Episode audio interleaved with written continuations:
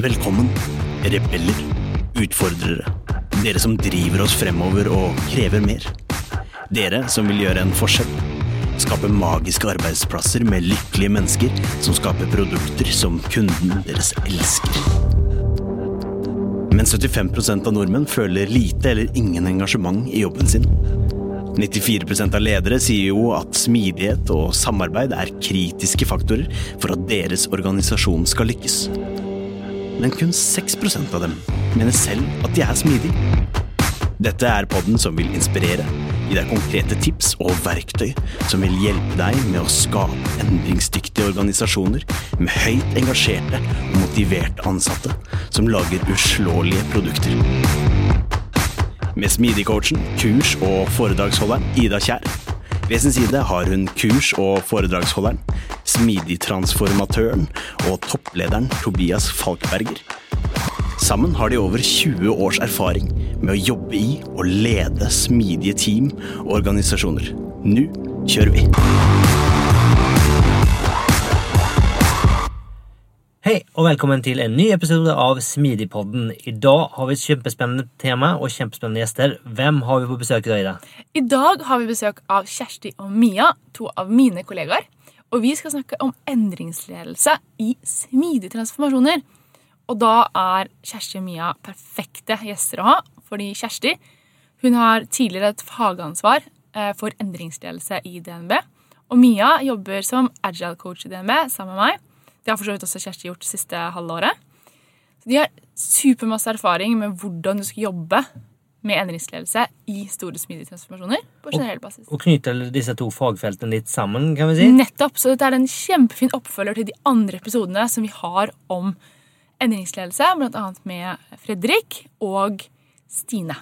Som vi kan linke til. Det kan vi absolutt gjøre. Og det er jo faktisk sånn at den nest populæreste tematikken i Smidigpodden etter O'Carrer er nemlig endringsledelse. Det er de episodene som får mest lytninger. Så jeg håper at også denne episoden eh, faller dere i smaken og eh, kan klatre opp på topplisten sammen med de andre endringsledelseepisodene. Men hvor er vi nå? Vi er i Turino, Ja! den gamle OL-byen i eh, norra Italia. Så Ja. vi er fortsatt, eh, fortsatt i Italia. Trives veldig godt i Italia. det må må vi si. sies. Men eh, tanken nå er jo å vende snuta sørover. Er Men det. eh, vi blir nok i Italia, men komme litt mer og se litt mer av Italia. Få litt, litt mer eh, Kanskje litt med sol og varme. Litt mer sol og varme. Vinteren har kommet til, Ja. til Turino. Det er jo, ja, det, er ikke, det er jo ikke så rart at de hadde vinter-OL her, kan man jo tenke seg, faktisk. Det, er, det er ingen sommer-OL-by, kanskje. Det stemmer. Men var veldig vakker by, veldig fint, så vi skal ut og utforske og se litt mer av Turino etter det her. Stemmer. Så med det så tenker jeg kanskje at vi eh, henter inn gjestene og sparker i gang episoden. Jeg tror det er en god idé. Det gjør vi det. Her kommer Mia og Kjersti. Hei, Kjersti og Mia. Velkommen til Smidigpodden. Hei, hei. Tusen takk. Det er veldig hyggelig å ha dere her. Og før vi sparker i gang denne episoden, så tenker jeg kanskje dere kan introdusere dere selv. Mia, vil du starte? Ja, det kan jeg gjøre. Jeg heter Mia. Jeg jobber som agil coach i DNB. Eh, Jeg har jobbet i DNB i snart ti år, eh, men eh, har vært i mange ulike roller. Så jeg har jobbet ute på bankkontor, ut mot kunder.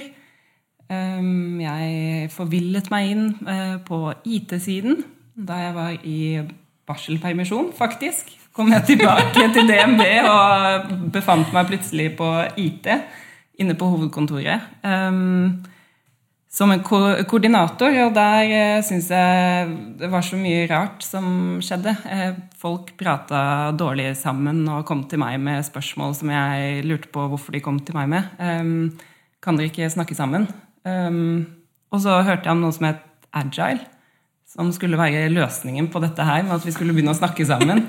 Eh, og sånn havna jeg inn i seksjonen agile, da, hvor jeg er i dag. Spennende. Det er en veldig morsom reise. snakker, Snakker dere mer sammen, da? Er spørsmålet. Eller snakker man mer sammen? Um, jeg tror vi gjør det i deler av organisasjonen. Um, uh, og mer og mer i IT og over mot forretning. Men uh, håper jeg i hvert fall. Det er i hvert fall noe vi har fokus på i seksjonen hos oss og ute i team hvor vi jobber. Kjersti? Ja. Um, Kjersti heter jeg, og um, jobber som ja, også litt, uh, litt som agil coach. Uh, men ikke så mye i team, men jeg jobber med på virksomhets- og organisasjonsnivå. Og hele liksom, det økosystemet rundt uh, teamene. Uh, og så har jeg også en rolle som fagleder for endringsledelse i DNB. Så jeg har um, jobber litt sånn med metode og eh, rammeverket rundt endringsledelse, hvordan vi gjør det i DNB. Eh, trener en del ledere og team knytta til det, og bruker det også veldig aktivt i den smidige endringsreisen som eh, DNB er i. Eh, før dette så har jeg jobba mye innenfor HR-området. Jobba med organisasjonsutvikling, ledelsesutvikling. Og har jobba mange år i konsulentbransjen i ulike roller. eh, Og også da som leder eh, en del av den eh, tida. Så endring og utvikling har liksom vært min bane hele veien. Både på jobb og for så vidt en del privat også. Så det er til, av og til til glede, av og til kanskje til litt frustrasjon til de rundt. Jeg har en sånn veldig sånn driv for å forbedre, endre, utvikle meg sjøl, de rundt meg, hagen min, mannen min. så, men jeg, i store og hele så tror jeg det er, er bra, da. Positivt. Spennende. Jeg skal bare si at jeg kjenner meg litt igjen i det. da. Så ser du på meg. At du utvikler meg. Nei, at fokus på forbedring og læring og ja, Det kan være både veldig positivt, ja, men det kan være litt slitsomt òg. Det kan være veldig slitsomt til tider. Ja, Ja. Men det er jo eh, bra på sikt, da. det er det. Ja. Men nok om oss privat. Eh, Temaet for denne episoden det er eh, endringsledelse i smidige transformasjoner. Som er et stort tema, men ekstremt spennende tema. Eh, og da spurte jeg om dere hadde lyst til å være med og snakke om det. Fordi dette er jo noe vi snakker utrolig mye om i vår hverdag. Eh, hvordan vi kan eh, bruke endringsledelsesfaget inn i ja, smidige transformasjoner. da. Og der tror jeg kanskje at vi tenker litt annerledes enn det mange andre gjør. Kanskje. Og at noen kanskje kan bli litt inspirert. Håper jeg. Tror du det? Ja. Så vi kan jo starte med at jeg vet at um, Nå skal jo ikke denne episoden være spesifikt om DNB, men det som kanskje er litt interessant, er jo hvordan um, vi i DNB har tilpasset Adkar-rammeverket til vår kontekst, på en måte. Kan du si litt om det, Kjersti? Ja, eller egentlig hele den prosa-metodikken, mm. og også bruken av, av Adkar. Men um, fordi endringsledelse som sånn egen fagdisiplin i DNB ikke så, har ikke så veldig lang, eh, lang historie. Eh, men vi var noen som eh, ble sertifisert i ProSci og ble veldig inspirert av det. Og så at her er det veldig mye konkrete, praktiske ting. Det er jo forskningsbasert på ting som faktisk en vet virker endring. Som vi har lyst til å ta med oss og bruke enda mer aktivt i DNB. Så vi tok ProSci verktøykassen, eller rammeverket, og så tilpassa vi det liksom DNB sin kontekst. Eh, og ikke minst eh, så var jo DNB litt i en reise der at vi har drevet veldig mye med prosjekt, men ønska å gå mer og mer over til å jobbe i stabile team, kontinuerlig forbedre. Og det å klare å gjøre da eh, endringsledelsesverktøykassen relevant i den konteksten. da. Så vi så litt på eh, hva er det som er mest relevant for oss eh, å fokusere på. Det er Adkar, eh, som er absolutt eh, kanskje en av de mest eh, praktiske delene av ProSci som, eh, som vi bruker veldig masse. Og prøve å få til å være et slags felles språk da, når vi snakker om endring. For det er så mye lettere hvis vi alle har det felles språket å snakke rundt endringene på.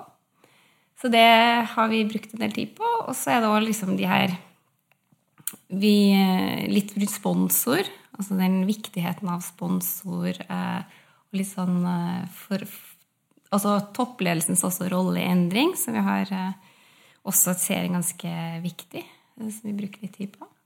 Så det har vært eh, veldig gøy å gjøre noe med det rammeverket, men så gå ut og praktisere og se hva som fungerer.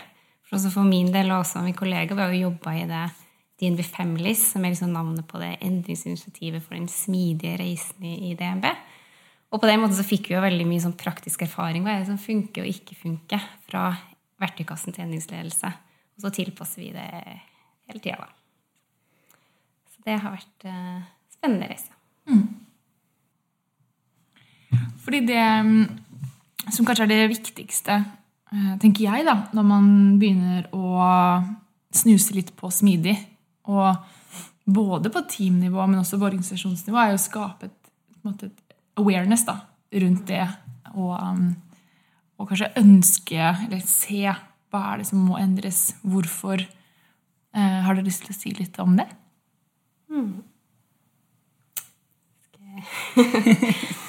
Ja, jeg vet ikke hvor godt folk generelt kjenner til Adkar, da. Eh, men det er jo det her eh, Det er fem bokstaver som sier noe de fem altså stegene vi alle da, må igjennom eh, for å få til endring. Eh, og jeg synes jo det Vi snakker veldig ofte om organisasjonsutvikling. og En ganske viktig erkjennelse i Skal du utvikle en organisasjon, så er det faktisk summen av alle de individuelle endringsreisene som skjer. Det å tenke at eh, jeg må faktisk bevege veldig mange folk hvis jeg skal få ut de effektene jeg vil. Det å da bruke Adkar og si at først så må folk ha awarenessen, være bevisst på hvorfor endrer vi oss. Så må du ha den D-en med desire, ønske om det. Først da kan du begynne å bygge kompetanse, altså knowledge, da, på eh, hva må til hvis jeg skal klare å endre meg. Eh, og så må du få det praktisk ut i handling på ability. Og så må du ha reinforcement til slutt, altså du forsterker eh, den endringen. Og det å ha fokus på hvordan gjør vi det med hvert enkelt individ, ehm, eh, så får du på en måte en organisasjonsutvikling eh, ut av det. Da. Og vi ser jo veldig mye den smidige endringsreisen. altså Det handler veldig om å modne organisasjonen.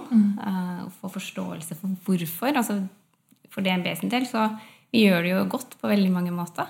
Så hvorfor skal vi trenge å jobbe på nye måter, gjøre ting annerledes, endre prosesser, strukturer, modeller som vi har hos oss? Eh, tankesett, ikke minst, når det går så godt. Da skal du ha et veldig godt hvorfor da, eh, på det, før du begynner å kjøre folk på kurs på smidig eller, eller andre ting. Så det å huske å få mange nok da, på awareness and desire før du begynner å pushe ut kurs og opplæring, har, jo, har vi hatt ganske mye fokus på.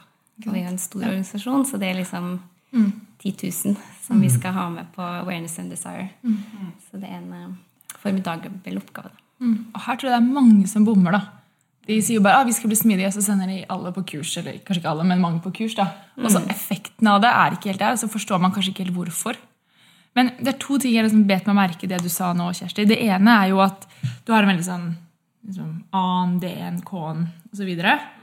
Men det har jo vi snakket mye om, at dette er jo ikke, linje, altså det er jo ikke en lineær på en måte, Du kan jo godt liksom gå tilbake og hoppe fram. Og, Fordi, som du sier, eh, mitt neste punkt, at dette er jo det er individet det går på. Alle mennesker er jo ulike i bunn og grunn, man beveger seg kanskje ulikt. og Du tar kanskje ett steg fram og to tilbake. da.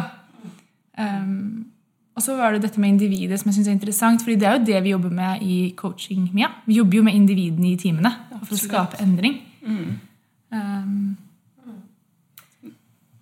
Ja, det er jo det jeg ser på som litt likhetstegnet mellom smidig og endringsledelse. Er det at man setter mennesket i sentrum. Sant? Du har fokus på folkene. Hvis vi skal få til en endring, så må vi få med oss folka. Eh, Det er jo det man Det er liksom det første i Adkar-modellen, awareness and desire, å skape det. Eh, Og når vi er ute som coacher i team, så er det jo Hovedfokuset vårt er jo at det er teamet selv som må eie endringen. Um, så de må ha være aware, og de må ha et desire for å få til en endring. Um, hvis ikke de har det, så har vi ingenting å gjøre som coacher her heller. Hvordan jobber dere med det for å skape den bevisstheten rundt det? For det som du er inne på, det er jo ikke sikkert at man er nødt til det. liksom. Hvordan Nå eh, er det jo sånn at vi er inne i team som gjerne har spurt oss om hjelp. Så vi er jo litt privilegerte kanskje sånn sett, at vi kan velge å jobbe med de som ønsker en endring. Eh, Det er gjerne derfor de tar kontakt med oss. Um, Men så er det veldig viktig for oss fra start å prøve å forstå hva er det egentlig dere ønsker å endre, og hvorfor. Og være tyd og tydeliggjøre det, ikke bare overfor oss, men at de også selv eh, Setter ord på hva de trenger, liksom? Eller hva Ja, de ser. riktig. Sånn at de, det kommer fra dem. da. At de eier liksom det ønsket om å endre seg og ser verdien i å gjøre det. Um, ja. Og så har du den, den overordna smidige endringsreisen. eh, og, og få, til, få til den. Men så har du jo veldig mange små adkar-reiser på en måte under der. Så du har den store storyen på hvorfor skal vi bli mer smidige, hvorfor det er viktig for DNB, hvorfor må vi kanskje endre på finansieringsmodellene våre, eller på porteføljestyringen vår, eller og rasjonale for det, de store tingene. Og så har du alle de her små tingene. Liksom, hvorfor må vi kommunisere bedre sammen? Eller hvorfor må vi ha mer fokus på kontinuerlig forbedring?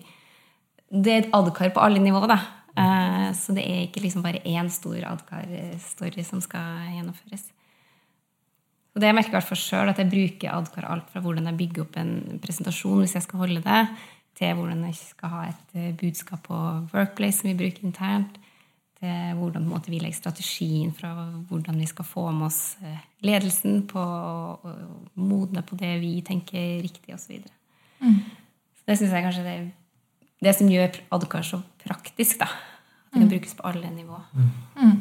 Også på nyttårsforsett.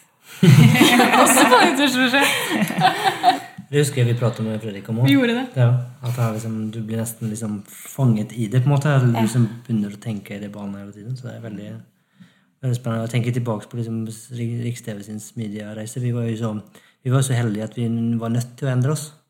Eh, og det gjør jo noe med awarenessen, ikke sant? Og, hva- og det sier òg. Liksom, eh, og det er jo Jeg tror ikke vi tenkte så mye på det, men vi fikk jo mye gratis av det. da. At du har en, liksom en hel forretningsmodell og en bransje som, som er i endring. Og, og det, det skjer såpass mye, så enten så er vi med på toget, eller så går toget fra oss. Liksom. Mm, mm. Det er spennende det du sier der, fordi ofte, i hvert fall i konsulentbransjen, så snakker man om sense of urgency. Du trenger en sense of urgency for å, å um, endre deg. da. Og det er jo litt det Nå kan du sikkert ha andre grunner til hvorfor du endrer deg også, enn en sense of urgency. Men det er kanskje litt det mange legger i desire. Tenker du om det, Kjersti? Er jeg helt off, eller er det liksom litt på Nei, hvert fall det vi bruker altså På awareness så sier vi at der skal du besvare hvorfor. Hvorfor skal vi endre oss? Eh, hva skjer hvis vi ikke gjør det? Eh, og ha en veldig sånn klar litt sånn kongstanke på et overordnet nivå. Da. Og det sier veldig ofte at den det beskjeden bør komme fra i hvert fall litt sånn større endringer da, bør komme fra ganske senior ledelse. For å liksom ha litt sånn pondus bak at dette er skikkelig viktig for oss, og hvorfor er det viktig. Så har du den What's in it for me, som går på litt den eh, desire-biten. Da. da er det ofte mer sånn det nærmeste teamet, lederen rundt deg, som kan være med og si oss, ok, hva, hva får vi ut av dette her? Hvorfor skal vi ha ønske om å være med? Ok, jeg hører hvorfor det er, men hvorfor er det viktig for oss? Da begynner du å jobbe med uh, desire, og det, det er ganske viktig hvem som på en måte har hvilke budskap her for at det skal treffe. Eh, så, og at det da først har du den overordnede storyen, så har du mer enn detaljen. Mm. Det er jo um, det bringer meg litt, Jeg husker ikke hvilke episoder vi har snakket om det på, men vi har snakket litt om mellomledelse. Hvorfor mellomledelse er så viktig. Um, og det tenker jeg er grunnen til det du sier nå. da, At det, at det må være um, som, Hva betyr det for meg, individet? Og da tenker jeg ofte at de vil snakke med sin leder, da, som da ofte er en mellomleder. Uh, og at deres rolle er ganske viktig inn i en smidetransformasjon. Mm, og det desire er jo veldig forskjellig for folk. Sånn at så Det er jo først den som er nærmest på, som vil klare å på en måte si at ok, for å bevege din desire, så det er dette vi må snakke om. For å bevege din, så må jeg snakke om noe annet. Det er ikke en sånn post på workplace, og så har jeg fått desire hos alle sammen. Så Derfor må det være den som kjenner personene som jobber med den eh, desire-biten. At det er ganske viktig. Og det er jo veldig, Adcore er et veldig fint verktøy for å forstå motstand.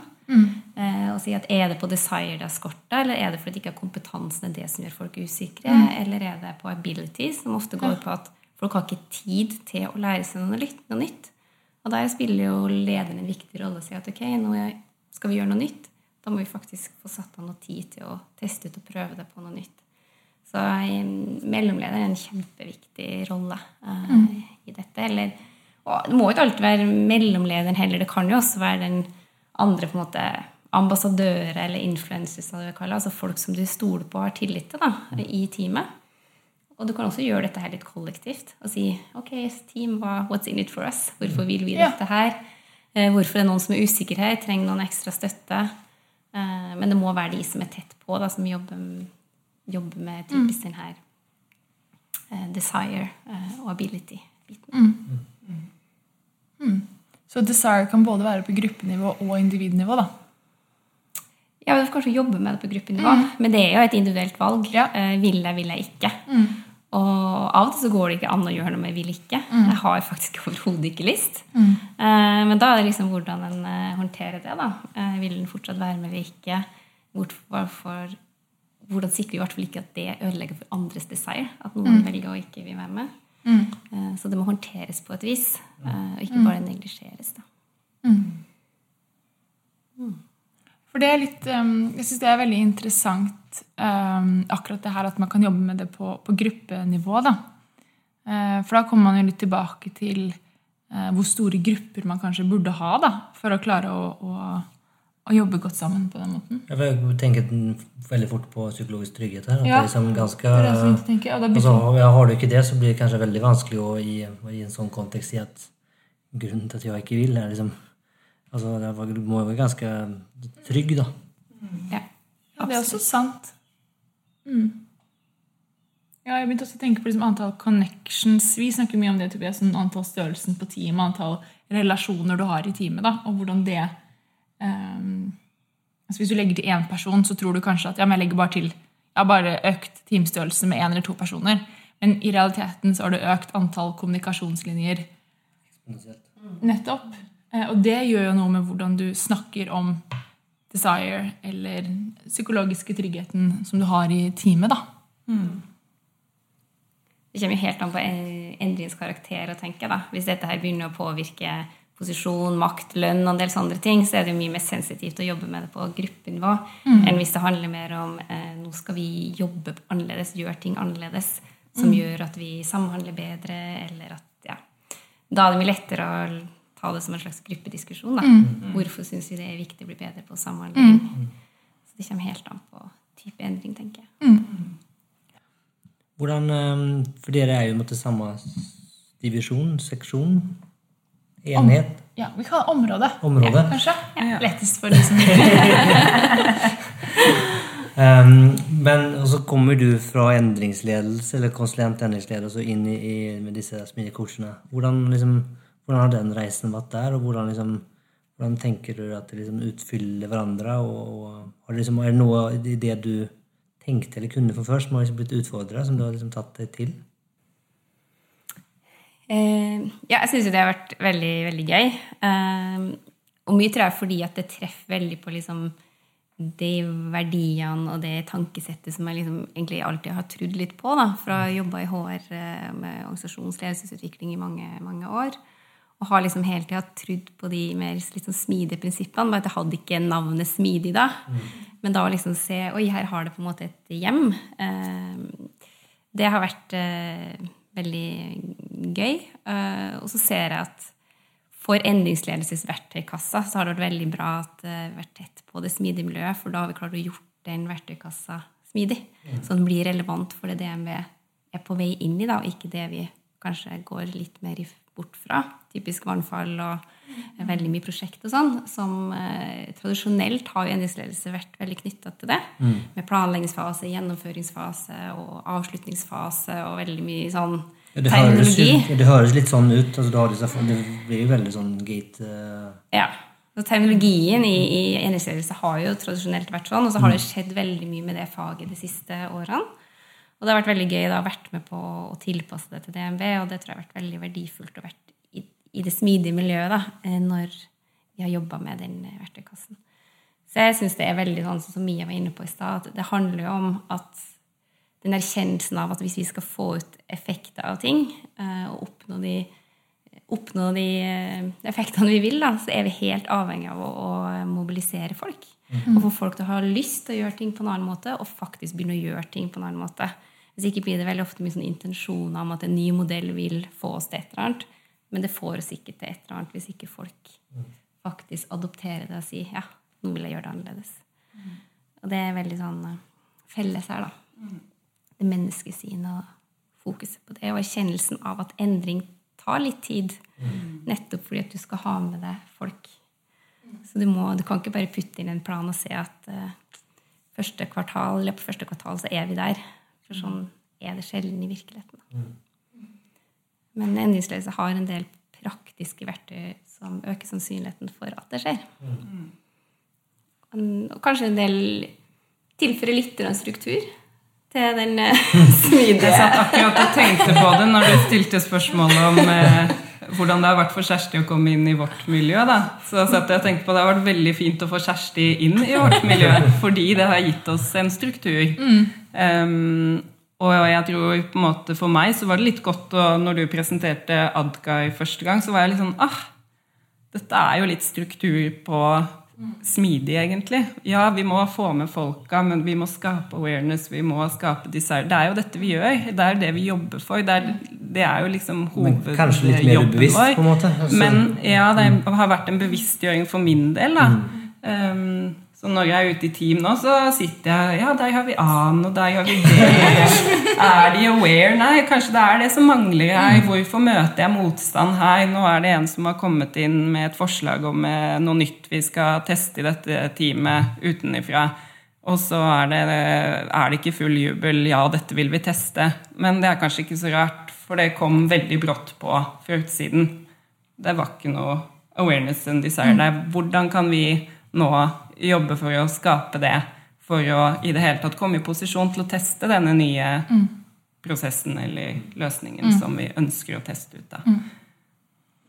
Jeg, jeg synes, Der er du inne på noe utrolig viktig, Mia, og det tror jeg veldig mange glemmer. og det er det at Du kan ikke gå inn som smidig coach eller som endringsleder og si at å, nå skal jeg endre denne personen eller endre det teamet. Du må gå inn og tenke at nå skal jeg skape et ønske om endring. Um, hvordan de skal endre seg, hva de skal gjøre, det må jo være opp til dem. Det må de få bestemme selv og eie selv. Hvis du ønsker en varig endring, da, hvis du vil Ja. at det skal bli, så tenker jeg at da må det jo være et eierskap til de som faktisk skal jobbe på en annen måte. Ikke sant? Hvis ikke så gjør vi mye jobb, og så forsvinner vi ut, og så forsvinner endringen med oss. da. For å si det sånn, så går man tilbake til det vante gamle. Vi snakker jo mye om A-en og D-en. Jeg vil slå et slag for R-en i Adgar. Nettopp det du er inne på med varig endring. da. At uh, både som endringsleder eller som coach så er vi kanskje ofte mest inne når vi mobiliserer for endring og kanskje får opp ønske, bygger kompetanse. Men så at det også skal vare når vi kanskje er borte. Da Mm. Da er det veldig viktig med det der eierskapet til det sjøl. Det må komme innenfra det ønsket. da. Så der tror jeg vi ofte svikter litt sånn overalt, på en måte, den der og klare for det er så mye endringer som møter oss. Som med en gang du liksom begynte å få til det der, så kommer det noe nytt, og så Ja. kan du falle litt tilbake. da. Men det er en intressant for jeg jag tycker er av som en coach i sin, eh, sin reneste form så har du ikke en agenda egentlig. Du skal jo, folk skal jo finne sin egen vei. Men ofte så tenker jeg at altså, vi, man kanskje burde kalle det for um, smidig uh, manipulasjon. for for du, du har jo åpenbart en Agenda. agenda eh, og da er det jo veldig tvilsomt at det er coaching du driver med. Men her, ja, men jeg er enig med deg, men jeg er også uenig, da. For det kommer litt an på intensjonen din. For eh, vi, vi har jo snakket veldig mye om dette. Liksom, Manipulere med god intensjon. nei, eh, nei, tanken min er at når du har mennesker i fokus, så ønsker du det som er eh, best for menneskene og teamet. Um, hva jeg som coach tror er best, er ikke nødvendigvis det som er best. Eh, Og da handler det om at teamet må finne ut av det selv og få rom til å finne ut av det. Og det er det rommet jeg må gi dem. Og hjelpe dem å utforske det. Og om det er at de finner ut at vet du hva, vannfall det funker dødsbra for oss, men vet du hva? Supert. Gjør det. Og så gjør du det til det ikke funker lenger, og så gjør du noe annet. Og da er det min jobb å støtte dem i det og, og, og hjelpe dem til å reflektere, eh, sånn at de selv kan finne ut av hva som funker best. da. Hvis du kommer inn der og slår et eller annet kanban eller scrum ned, og liksom ser på alt som en ja, eller safe kanskje, og ser på alt som en spiker, og du er en hammer, da kommer du ikke spesielt langt. da. Så Den var jo Enig, men nok. uenig. eh, hvis jeg kan si det. En kan jo hjelpe de og gi de eh, en slags eller kompetansen eller innsikten til å gjøre gode vurderinger av det. Vi Du vil jo ofte ha en tendens til å velge det vi kjenner. Ja. Eh, sånn at da kan jo liksom Ja, vannfall er løsningen fordi at det er den jeg kan. Men eh, hvis jeg får også kompetanse til andre, og Mm. Så kan jeg ta et liksom godt begrunna valg, da. At jeg velger det eller andre. ja. Og det er jo jobben vår å på en måte enable det, da. Skape det rommet kanskje også til å faktisk stoppe opp og reflektere over hva er det vi gjør, hvordan gjør vi, gjør vi det, og hvorfor. Ja. For det er en travel hverdag. Um, Ja. Så det der å stoppe opp og faktisk reflektere over hvordan gjør vi ting i dag, og er dette egentlig beste måten? Ja, Og så kan du diskutere om det er manipulasjon, da. Det er, det i hvert fall kanskje noe å være bevisst om her. Altså, hva, hva er det du ønsker å oppnå, og hva er det du Ja. egentlig gjør? da? Ja. Og kanskje det var å si, svelge sin egen stolthet litt òg. Det, kan jo. Altså, Ja. det, det beste kan jo være kanskje ikke nødvendigvis det som du syns er best. da. Mm. Um, men det er jo liksom bevisstgjøringen om egen situasjon. Det er jo liksom, Det er viktig. det er viktig, da. Um, Mm. For å skape nysgjerrigheten til å utforske det. ja. Og At vi ikke bare gjør det vi har ja, gjort ja, før fordi at det er tryggest, og der vet, dette vet vi funker. Og det er igjen tilbake til litt sånn skape den awarenessen. Da, at liksom, Hvorfor skal jeg utforske noe nytt? Hvorfor er det måte verdt å være nysgjerrig, eller sette av tid da, til å reflektere, utforske, bygge en annen kompetanse? Fordi at det kan bety at vi gjør det på en ny og bedre måte. Det å tenke en litt sånn coach sin oppgave som å sier, skape det rommet til å være nysgjerrig der. Og ha ikke minst tid, for det føler kanskje vi opplever i praksis at det er det er så høyt fokus på å levere hele tida at det å ha tid til å gjøre akkurat disse utforskingene, det å forbedre, det, det er der ofte ikke, selv om kanskje veldig mange vil. da. Så en coach kan kanskje hjelpe til å se at jo, støtter dere i at det å bruke tid på det er verdiskapende. Det er ikke sløsing av tid, på en måte. Men eh, jeg tenker Mia, du var jo på en måte på Når vi hørte litt hva, hva Kjersti tenkte om det å liksom komme inn til oss, og hvordan det var. Men du sa litt om det. Dette med struktur. Er det noe annet du tenker at smidig kan på en måte Hva er det som benefit? Lære. Lære, eh, ta nytte av fra endringsledelse utover det vi har snakket om? Er det liksom noe Var det noe spesielt du tenkte på? Jeg vil jo påstå at, um, at Kjersti har jo hatt en veldig god innflytelse på oss på hvordan vi tenker om, om veldig mye. Eh, også kanskje også hvordan vi jobber med andre miljøer. Eh, hvordan vi på en måte trekker til oss eh, flere da, miljøer rundt om oss. Eh, jobber tett med f.eks. people og, og sånne ting. da. Eh, hvordan man liksom kan trekke på et større miljø da, og verdien av det. Ja, det er å bygge med Jeg har opplevd det jo kanskje litt sjøl, men også fra andre at liksom eh, agil, smidig Mm. sånn, det er litt diffust. Det, det er de der borte. De driver og med eh, kanskje litt IT-relatert. Eh, men eh, ved å bli kjent med, med dere med, med Smidig, Mm. så er det jo det er jo verdigrunnlaget som jeg tenker er sammenfaller veldig mye med ja, det HR, en people, eh, tankesett, endringsledelse. Mm. Og ufarliggjøre det litt. Jeg tror veldig mange tenker at det er veldig sånn en ny metode. da.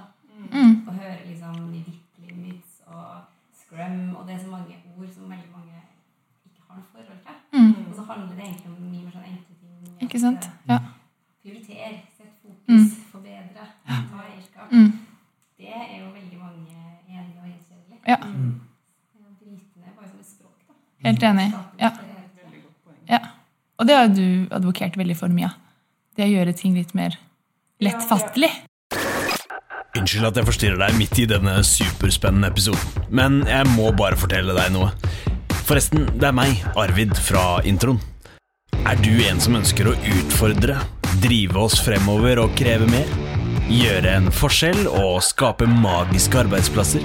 Men du bare vet ikke helt hvordan. Da har jeg noe som kan hjelpe deg. Tobias og Ida har laget et kurs. Kurset gir deg forståelsen og den smidige tilnærmingen du trenger for å tenke nytt om de organisatoriske byggeklossene, strategi, mennesker, prosess, struktur og teknologi. Lenke til kurset finner du i episodebeskrivelsen.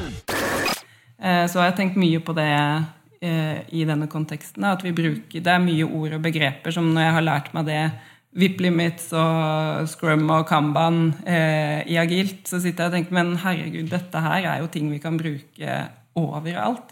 Hvorfor eh, får ikke våre finansrådgivere på kontor lov til å sette seg ned og ha en retro og jobbe med kontinuerlig forbedring av hvordan de som team skal fungere, eh, hvordan, hvilke prosesser de har, hvordan de kan forbedre dem, lære av hverandre, eh, prioritering eh, Altså det er jo kjemperelevant uansett hvor i DNB eller Hvilken som helst organisasjon man egentlig er i. Ja, kan dra nytte av veldig mange av disse teknikkene. Da. Og vi i smidigmiljøet i DNB i hvert fall er, elsker jo alt av verktøy og metoder, og vi liker å mikse og matche.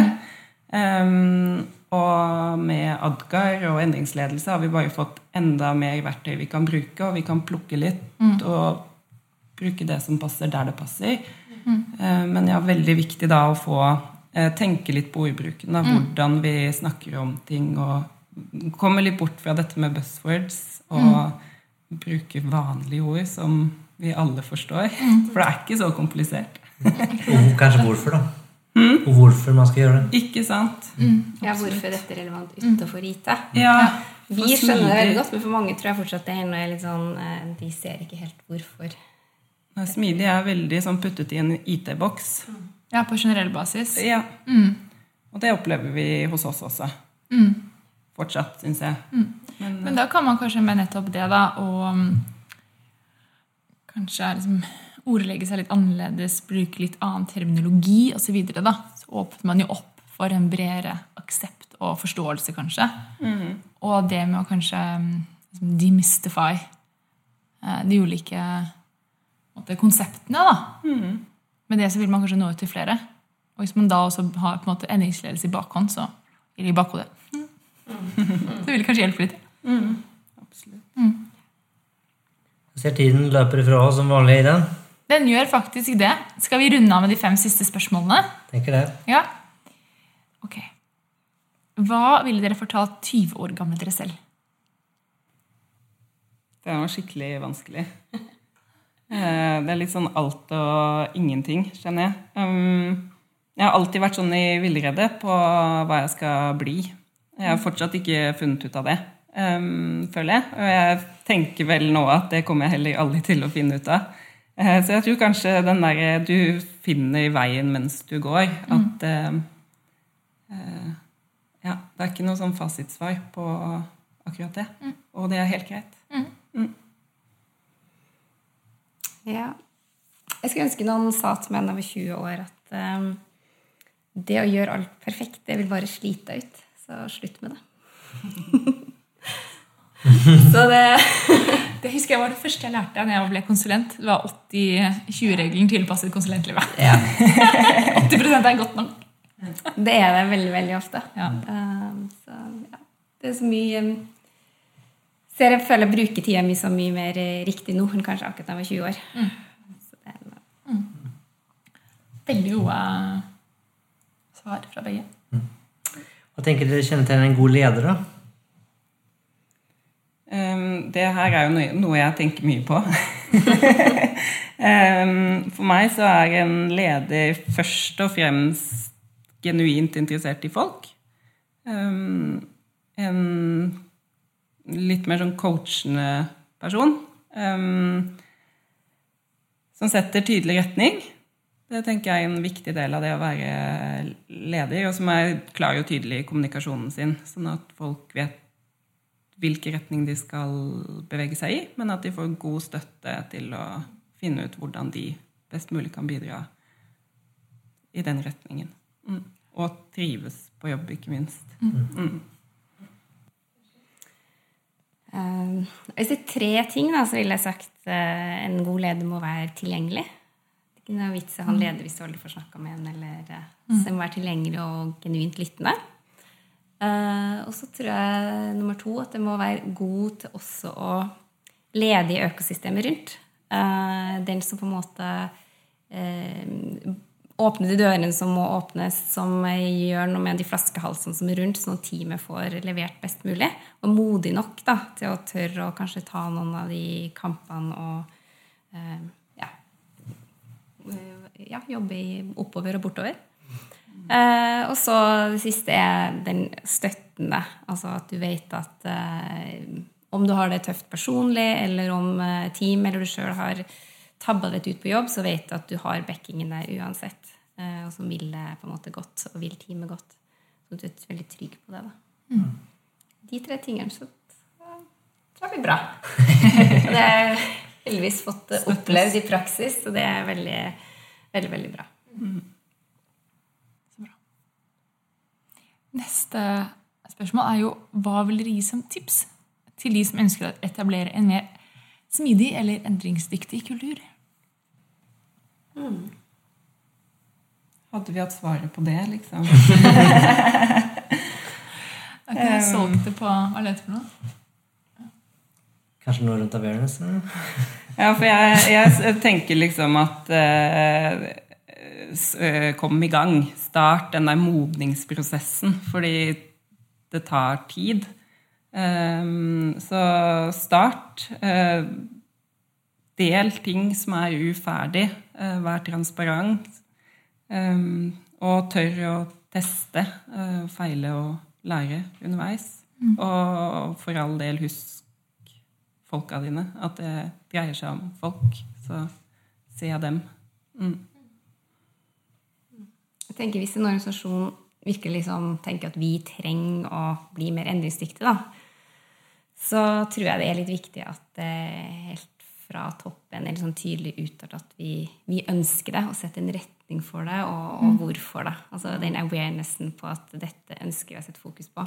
Du, du klarer å jobbe med det likevel, men eh, ref det jeg sa innledningsvis litt om sponsorship, eller, og det å ha en liksom sponsor for noe, gjør det veldig mye lettere å få ting til å skje raskt og effektivt. Så det tror jeg den tydelige retningen fra toppen tror jeg ofte til stor hjelp, i hvert fall. Eh, og så tror jeg det å bygge en kultur der det er tid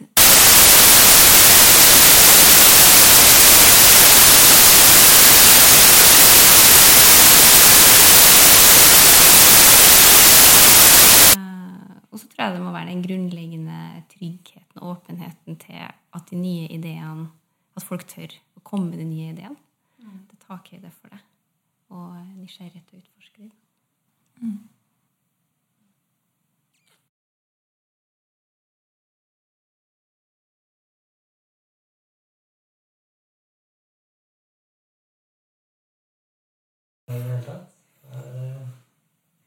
Sommerlektyre. Jeg har i hvert fall én bok som jeg leste, den jeg vet at den er anbefalt flere ganger i podkasten tidligere, men den var i hvert fall veldig sånn um, inspirerende for meg. Det er den der Reinventing Organizations-boka. Det var noe Fredrik noe sånt som han heter. Den syns jeg var veldig sånn inspirerende. at ting som jeg hadde trodd litt på sjøl i lang tid, da, litt verdisettet som jeg snakka om, eh, at det virkelig var en selvtillit som har tatt det helt ut, og at det går an i praksis. At det ikke bare er mer sånn idealistisk, det hadde vært fint. Eh, Det gjorde i hvert fall meg litt sånn modigere eh, internt også til å pushe for disse løsningene. Så den, og så er det en, eh, en bok som heter Brave New Work, som er en som heter Aaron Dignan, som er mer sånn praktisk på En sånn organisasjonsdesign da, for å få dette til å skje i praksis. Som også syns var ganske sånn, eh, inspirerende. De snakker en del om organisasjonsgjeld, f.eks. Alle sånn teknisk gjeld, men eh, det er også en gjeld eh, som du må betale rente på for alle policyene og strukturene som, som er en organisasjon, som er statiske, selv om alltid omgivelsene endrer seg rundt. Det må du betale ganske høy rente på ved at folk blir ganske frustrerte. Ting går veldig tregt, ting blir veldig byråkratisk. Så hvordan ta tak i det og faktisk gjøre noe med det. Så den boka synes jeg var inspirerende. Og de har en egen blogg eh, som heter The Ready, som jeg syns har mye interessante bloggposter. Og så må jeg nevne Adkar-boka, da. Det er en egen Adkar-bok. Veldig lettlest. Eh, som også kan ta en titt på. Mia, har du noen snacks? Eh, det var det, da. Jeg leser jo ikke så mye bøker. Jeg liker å gjøre, holdt jeg på å si. Um, 'Rethinking Agile' er jo en bok jeg eh, liker, da, for det er mye tegninger og bilder. Det er veldig tydelig uh, lettlest, uh, god bok som jeg anbefaler. Um, og så satt jeg og tenkte på uh, Holdt på å si YouTube-klipp, men et som vi pleier å vise en del. Eh, som går på psykologisk trygghet mm. med Amy Edmundsen. Den vil jeg anbefale å søke opp, for den illustrerer så veldig fint eh, viktigheten av psykologisk trygghet. Er det ditt yndlings-YouTube-klipp, tror du? Jeg tror det. Mm. Til tross for ekstremt dårlig kvalitet. Hun kunne godt gjort en retake på den, så jeg beklager det hvis noen tar en titt. Var et godt budskap. Å holde seg fast da. Så bra. Hvis eh, man ønsker å komme i kontakt med dere, eller vil følge dere, eller noe sånt nå, hva skal de gjøre da? Um, jeg er på LinkedIn, i hvert fall. Så det er vel bare å ta kontakt der. Ja, samme der. Det er kanskje ikke så mye spennende å følge av meg på LinkedIn, men eh, jeg kan i hvert fall ta kontakt med meg. Det er godt første steg, i hvert fall. Ja. Ja, men det er strålende. Da er vi kommet til eh, Mål, Ja. kanskje. enden av Ja. Tusen takk for at du hadde lyst til å være med. Det var kjempehyggelig og lærerikt. Takk, Takk for at vi kom med. Så jeg bare sier ha det. Yes. Ha det bra. Ha det. Ha det! Tusen takk for at du lyttet på denne episoden av Smidepoden. Dersom du likte det du hørte, så abonner på Smidepoden, Da vel. Da får du masse mer av denne type innhold i fremtiden. Dersom du har lyst til å støtte Smidepoden fremover, så gå gjerne inn på linken under og eh, ta kurset vårt. Du kan også så klart bruke noen av linkene under til bøkene som gjestene våre anbefaler. Det er affiliate links, og det betyr at Smidepodden får ei lita krone når du kjøper en bok, men du betaler så klart ikke en krone mer når du handler. Så med det så ønsker jeg deg en fortsatt fantastisk dag eller kveld, hvor enn det er du befinner deg i denne store, vide, vakre verden. Ha det bra!